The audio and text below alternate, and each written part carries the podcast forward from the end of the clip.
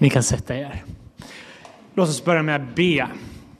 Herre, vi ber att din heliga Ande ska komma med sin vind idag, Herre, och komma med hopp, med uppmuntran och rikta våra hjärtan mer och mer i linje med ditt rike, Herre. Så vi ber det här för en stund som får ära dig och bygga upp oss, Herre. Vi ber detta i Jesu namn. Amen. Låt oss börja med ett tankeexperiment. Föreställ dig en eh, eh, rymdvarelse som du stöter på, eller den rymdvarelsen har tagit upp dig i sitt skepp. Så ställer den här rymdvarelsen en fråga om liksom världen och så, eh, så får du uppdraget att beskriva vind. Det är därför en rymdvarelse, för alla på jorden har upplevt vind på något sätt. Men, men, men en rymdvarelse säger vi som inte känner till vind. Hur beskriver man vind till någon som aldrig har upplevt vind? Och ju mer jag tänker på det här så börjar jag inse att vind som jag upplever varje dag är egentligen något jättekonstigt. Det är någonting osynligt, det är nästan som en kraft. Man kan inte se den, man, man kan inte fånga den, eh, man kan inte kontrollera den, eh, man kan inte eh, hålla den. Eh, men man kan se dess effekt, man kan se bladen blåsa och man kan även känna den vid sin kropp. Så vad är vind? Är det någon form av substans av något slag? Ehm, Ingen aning. Och självklart så finns det vetenskapliga definitioner. Eh, så jag gick till Wikipedia där det står vind är flödet av luft i atmosfären. Och eh, det finns förstås mängder av bra beskrivningar som gör det där förståbart. Men trots att vi faktiskt kan förstå det vetenskapligt så är vind fortfarande någonting väldigt mystiskt för mig. Det är någonting påtagligt, någonting jag kan se, inte se, men någonting jag, jag, jag känner av. Det är så pass torrt så det kan torka alla mina kläder. Eh, det är så kraftigt så det kan liksom ge vind till stora, stora fartyg så de kan åka över Atlanten. Så vind är någonting speciellt, märkligt. Och Gamla testamentet, Gamla testamentet är skrivet på hebreiska. Och det hebreiska ordet för vind är ruach. Och det råkar vara exakt samma ord som man har för att även säga ordet ande. Så både ordet för vind och ande är exakt samma ord på hebreiska. Och även så är det i Nya testamentet som är skrivet på grekiska. Där har man ordet, eh, ordet pneuma som betyder både vind och ande. Så varje gång den heliga Ande nämns i Bibeln så är det någon av de här orden. Och det finns något väldigt rimligt med att vind och ande äh, hänger ihop. För precis som vinden så är den heliga Ande något vi inte kan se, det är något vi inte kan ta på, det är något vi inte kan kontrollera. Det är något vi inte kan eh, liksom fånga eller styra. Men för den som har ögon att se så kan man se dess effekt där den helige Ande förvandlar människors liv kommer med hopp där det finns hopplöshet. Och man kan känna den heliga Ande. Så sett är vind en metafor som till och med ett barn kan förstå om någonting om Gud. Att Gud är någonting osynligt, men någonting otroligt mäktigt som inte vi kan kontrollera. Och en dag så talade Jesus med en rabbinsk lärare som hette Nikodemus. Och eh, jag föreställer mig att de är utomhus och de ser eh, hur vinden blåser på bladen. Det står inte, men jag föreställer mig så är det. Och så säger Jesus det vi fick höra innan, att vinden Pneuma.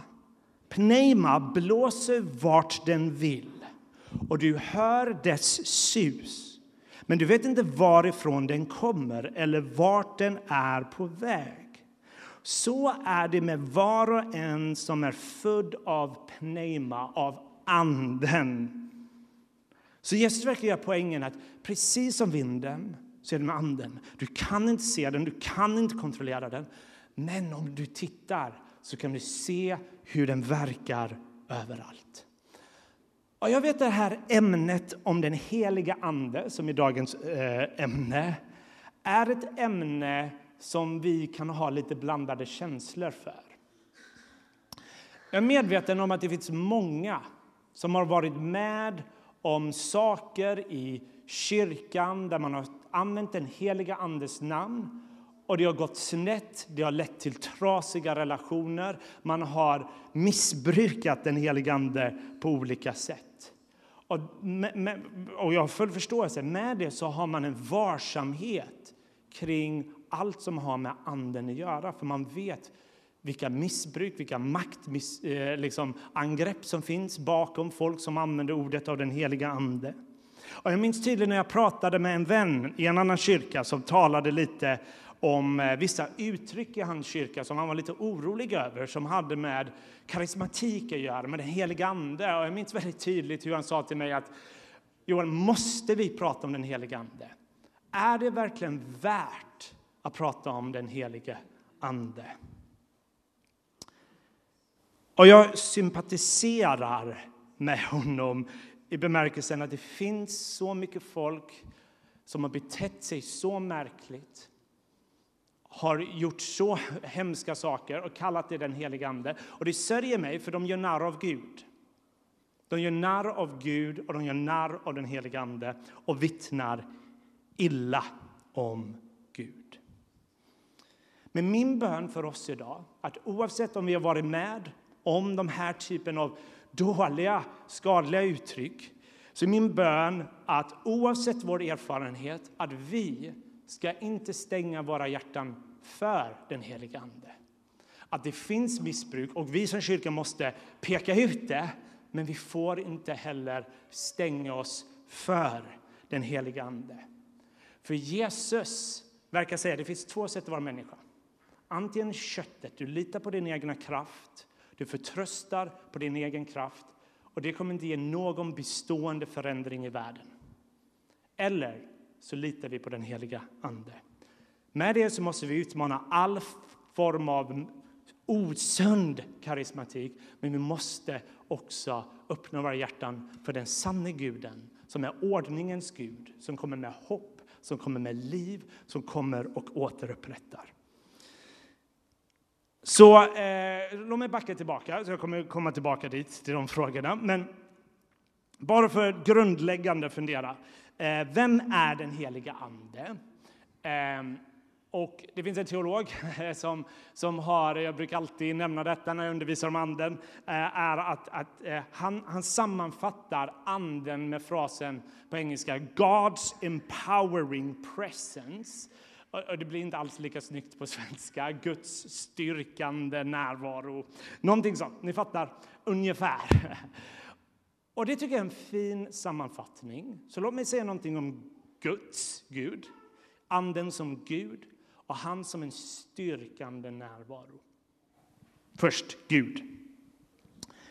Det första vi måste alltid påminna oss om och minnas är att den helige Ande är fullt ut Gud och en person. Så det, det, är alltid bra att minnas att ibland så behandlas den helige Ande som den här opersonliga kraften, lite som the force i Star Wars, det här abstrakta som Gud kastar ner för att göra folk lite starkare. Men i Bibeln så talas den helige Ande ständigt som en person. Så man hör den helige Ande tala, det står vid flera tillfällen den helige Ande sa. Eh, man kan hitta texter som beskriver hur den helige Ande sänder ut människor, hur den helige Ande lär ut saker, påminner saker, hur den helige Ande vädjar för oss, hur människor kan till och med bedröva den helige Ande. Allt detta har med en person att göra. Det här är ingen opersonlig grej, det är ingen kraft bara. Utan den heliga Ande är därför inte bara som elektricitet eller energi som den heliga Ande presenteras som. Den heliga Ande är Gud själv, person. Och det är viktigt. Men jag förstår varför folk är förvirrade. För det finns texter som säger att man ska döpas i den helige Ande. Vad innebär det? Döpas i Jakob. Jättekonstigt koncept. Eh, man ska uppfyllas av Ande. Eh, den helige Ande utgjuts över oss. Det är inte normalt språk för personer. Ehm, och därför är det viktigt att påminna sig när vi hör detta, just det. När vi säger att Gud är en person så funkar han inte som oss. Gud är lite en annan kategori. Han är person, men han kan göra saker som för oss inte låter som vad personer gör. Så vissa teologer pratar om att den heliga Ande är supraperson. Och vad de menar är att den heliga Ande är mer än en person, men han är inte mindre. Att den heliga Ande så sätt kan nästan beskrivas som någonting flytande. Men den heliga Ande är alltid samtidigt som en person. Och det är en liten påminnelse. Just det. Gud fungerar annorlunda än oss. Och då blir det här någonting väldigt vackert för mig. För när Bibeln pratar om att den helige Ande ska komma och ge oss kraft så betyder det inte att det är Gud som sitter högt upp på molnen kastar ner lite kraft distanserat. Utan det betyder att Gud själv kommer med sin närvaro in i våra liv. Det är så mycket mer intimt när vi pratar om att den helige Ande kommer och rör vid oss och bor i oss. Så det är det första. Den helige Ande är Gud. Han är person. Andra punkten. Den helige Ande är styrkande närvaro. För även om den helige Ande är en person så är den helige Ande i en bemärkelse kraft, i alla fall kommer med kraft. Så i Nya testamentet, i Gamla testamentet ser vi svaga, bräckliga människor. Men den helige Ande kommer och uppfyller människor som en vind som vi inte kan kontrollera kommer med sin vind och återupprättar. Så därför i Nya testamentet så ser man att när den helige Ande kommer så händer massa saker. Vissa blir helade, vissa känner tröst mitt i lidande, hopp mitt i lidande. Vissa blir tröstade. Den helige Ande kommer i kraft i vår svaghet och kommer med hopp. Och i texten vi hörde innan, när Jesus pratar om, när han, han gör paralleller med ande och vind, så talar han om att vinden blåser som den själv vill. Och detta är viktigt. För i slutändan kan inte vi kontrollera den helige Ande. När vi hör om häftiga saker sker genom den helige Ande kan vi inte bara kopiera det, copy-paste och tro att det kommer blåsa på samma sätt. För så fort vi gör det så tror jag det är det Jesus pratar om i köttet som inte är till någon hjälp. Och jag vet inte om ni har läst om vad som har hänt i USA de senaste veckorna. Det, det, det hände en oväntad grej på ett teologiskt universitet som heter Asbury som har berört mig väldigt mycket. Eh, 8 februari, alltså denna månaden, så samlades några studenter på plats för att tillbe Gud som de brukar göra i kapellet i skolan. Och en student börjar bekänna sina synder öppet. Och de som är där beskriver det som att atmosfären förändras. Och för någon anledning utan att någon föreslår det eller styr det så vill de bara dröja kvar i lovsång. Och folk börjar haka på. De börjar fylla lokalen. Och i 144 timmar i sträck var det lovsång och tillbedjan tills skolan sa vi måste stänga över natten. Så man börjar med gudstjänster dagen efter och sen dagen efter och dagen efter. Och ingen kan riktigt beskriva vad var det som kickade igång det här. Vad var det som hände i denna kyrkan? Och plötsligt kom, kommer stora pastorer och säger, får vi vara med och predika på er scen? Och de säger, eh, nej tack, men ni kan sätta er längst bak i kön tills ni kommer fram så kan ni få en plats om ni kan. Stora lovsångsledare kommer, var kan vi koppla in våra gitarrer? Ställ er i kön så kan ni sätta er om ni får plats. För det som jag tycker är så vackert med det här är att det är inget uppschasat kring någon kändis, ingen kändispastor eller lovsångsledare. Nyheterna ber om de kan ställa upp sina kameror och de säger nej tack, vi vill bara tillbe Gud här. Eh, det är inte det det handlar om, vi vill inte göra någon form av sensation. Och vad jag läst om det, jag har även kunnat se lite klipp från det här från folk som har filmat med kameror, så är det här någonting väldigt, väldigt annorlunda. Och jag kan bara tänka på vad Jesus säger. Vinden blåser vart den vill och du hör den blåsa men du vet inte varifrån den kommer eller vart den far. Den helige Ande kan plötsligt komma helt oförberett och göra någonting som folk inte är beredda på. Så folk har börjat kalla det här någon form av väckelse. Vissa tycker det är fel ord, en väckelse. Men över 50 000 personer har cirkulerat i de här lokalerna. Eh, och det vackra är, eh, om man går tillbaka till berättelsen hur det började, så var det ett, ett bönemöte. Det sägs att eh, lovsången var ganska falsk. Det var någon som gick upp och annonserade att vi ska ha Mario Kart-turnering här i veckan. Haka på om ni vill. Det kom upp en och predikade som han själv tyckte, ah, det där gick inte så där. Men den helige Ande kommer över platsen och Guds närvaro drar människor. Och det är så skönt. Det hänger inte på oss. Det hänger på den helige Ande. Det är som Jesus säger, det, som, det är anden som ger liv. Köttet är till ingen hjälp. Och Det är just därför jag tror det är så viktigt för oss i våra liv att vi är öppna för den heliga Ande i våra liv. För annars tror jag vi, våra val är att förtrösta på våra egna resurser. Och det kommer vara slitigt, det kommer vara tufft. Eller så kan vi förtrösta på den helige Ande för våra veckor, för våra dagar, för våra liv. Att vi kan få resurser från ovan in i våra liv. Och Det är därför det här är en sån lättnad för mig. För det, det betyder att jag behöver inte skasa upp någon stämning för att den heliga Ande ska göra någonting bestående i våra liv. Jakob behöver inte skasa upp någonting. Om vi gör det, om vi bara värsta planen, eh, så kommer det falla platt. Men om vinden blåser så är det helt upp till Gud. Det hänger inte på vår förmåga, vår intelligens, vår karismatik och därför är min vädjan till oss som kyrka, låt oss ha mjuka och öppna hjärtan för den heliga Ande. Och jag vill bara återkoppla till det jag pratade om, att det finns så mycket osund karismatik som gör narr av Gud. Och det är så viktigt att, att utmana det där.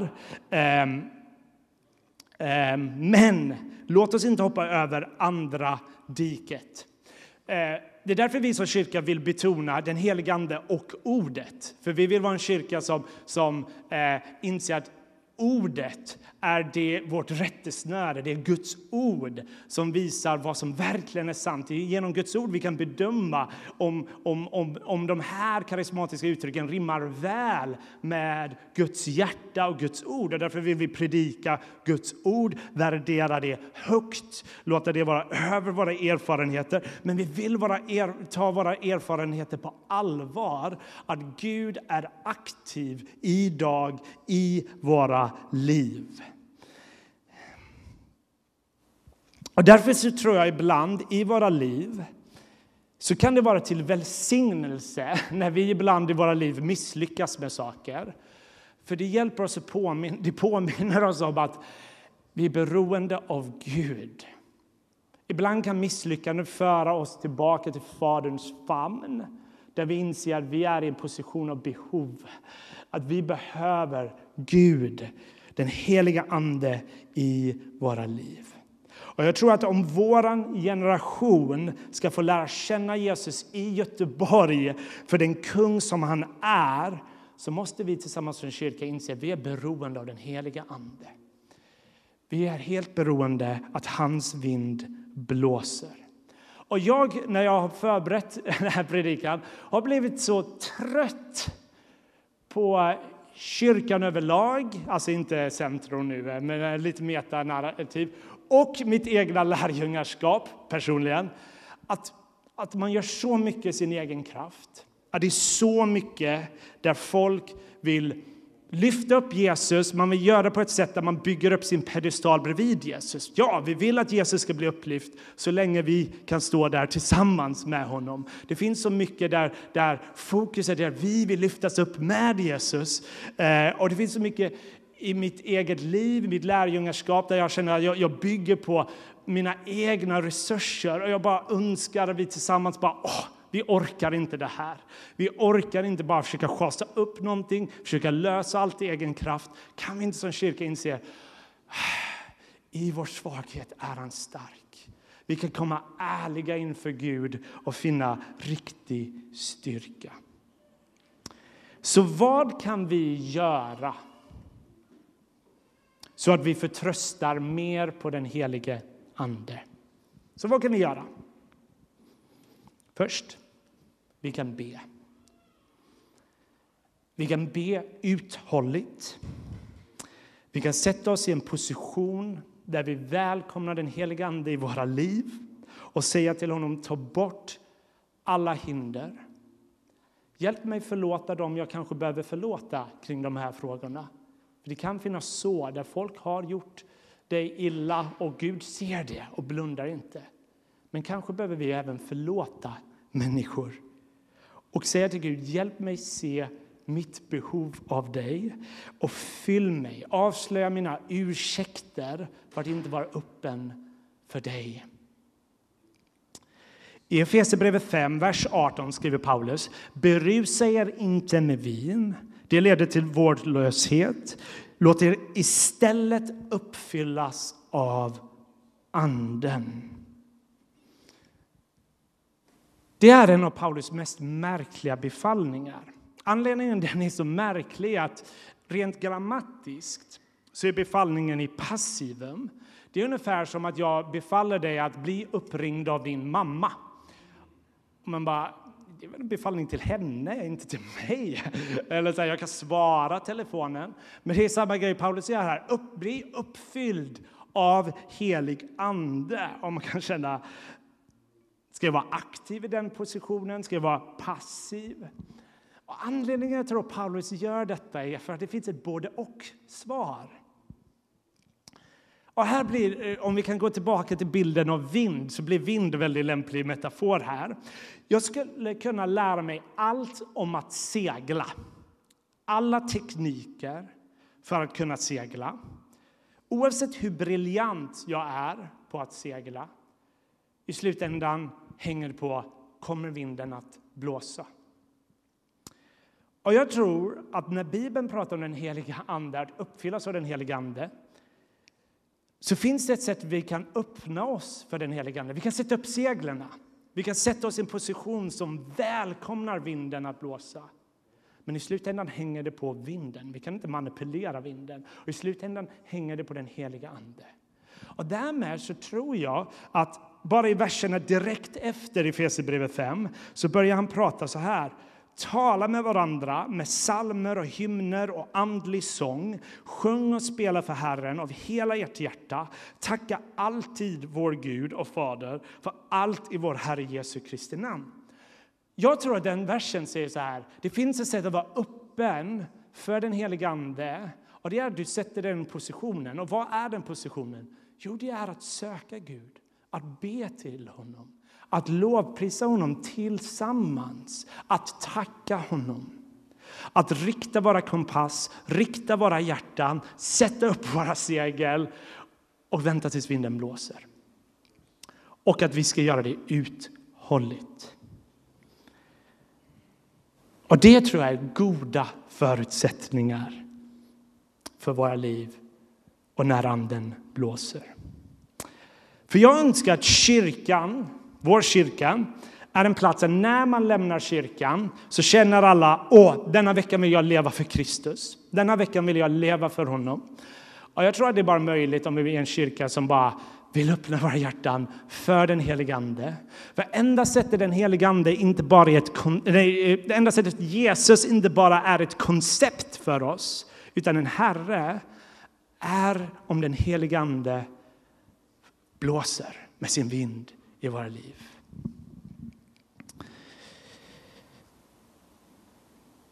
Och det var egentligen så som det började med Asbury. Det är det här universitetet. Det var folk som bad och längtade efter att den helige Ande skulle väcka till liv. Jag vill bara avsluta med det här att jag, jag vet att det kan finnas läs, det är någonting läskigt med den heliga ande. Just för att det är okontrollerbart och man ser de här dåliga missbruk, de här konstiga sätten och folk barkar som hundar och gör konstiga grejer och kallar det helig ande. Ehm, men jag, jag minns starkt en gång när jag var ungefär 13 år. Min pappa bad för mig och han bad att jag skulle få tungotal. Och jag kände hur det vibrerade varenda en av de konstigaste upplevelser jag haft. Vibrerade i hela min kropp. Men jag minns i mitt hjärta bara nej, jag vågar inte. Nej, nej, nej Gud, låt inte det här ske. Han lät inte det ske. Men det var en av de starkaste gudsupplevelser jag varit. Men det var läskigt. För Gud är okontrollerbar, men han är också barmhärtig. Han lyssnade på mitt nej, som jag också sett som någon form av vittnesbörd av Guds godhet också. Men min bön är att jag ska be nu, men min önskan är att alla i det här rummet, utan undantag, tyst i sitt hjärta, inför Gud ska be att Gud ska göra sitt verk i våra liv. Att vi ber att Gud ska ta bort alla barriärer och ursäkter. Och att vi ska vara en sån kyrka som, världen, som bara kan förklaras med um, att Gud har gjort någonting här. Att det är en sån kyrka som bara, enda förklaringsmodellen är att Gud har gjort någonting här. Ehm, och att Gud ska ge oss ett hjärta för den här veckan och för veckorna som kommer. Att leva för Kristus och att vi är öppna för Anden och vad han gör i våra liv. Så låt mig be för oss. Herre, vi tackar dig att du är barmhärtig och du är nådefull, Herre. Herre, vi ber att din heliga Ande ska få blåsa i våra liv. Herre, vi vill öppna våra hjärtan för dig, Herre. Ber att du ska avslöja våra ursäkter, kanske. Eh, våra, men också hela våra sår och finna sann hopp i att du kan komma med styrka och helande i våra liv idag, Herre. Herre, vi ber att denna kyrka får en kyrka som mer och mer höjer upp dig ensam eh, på plattformen, Herre. Där ditt namn får bli mer och mer härligt i våra hjärtan, Herre. Att vi ska lära älska varandra mer och mer, för det är Andens frukt, kärlek. Herre, Låt oss bli människor av Anden som älskar dig och varandra, håller varandra högt. Men även den här världen som vi bor i, Herre. Herre, vi ber Göteborg ska få drabbas mer och mer av din härlighet, Herre. Herre, vi ber i Jesu namn. Amen.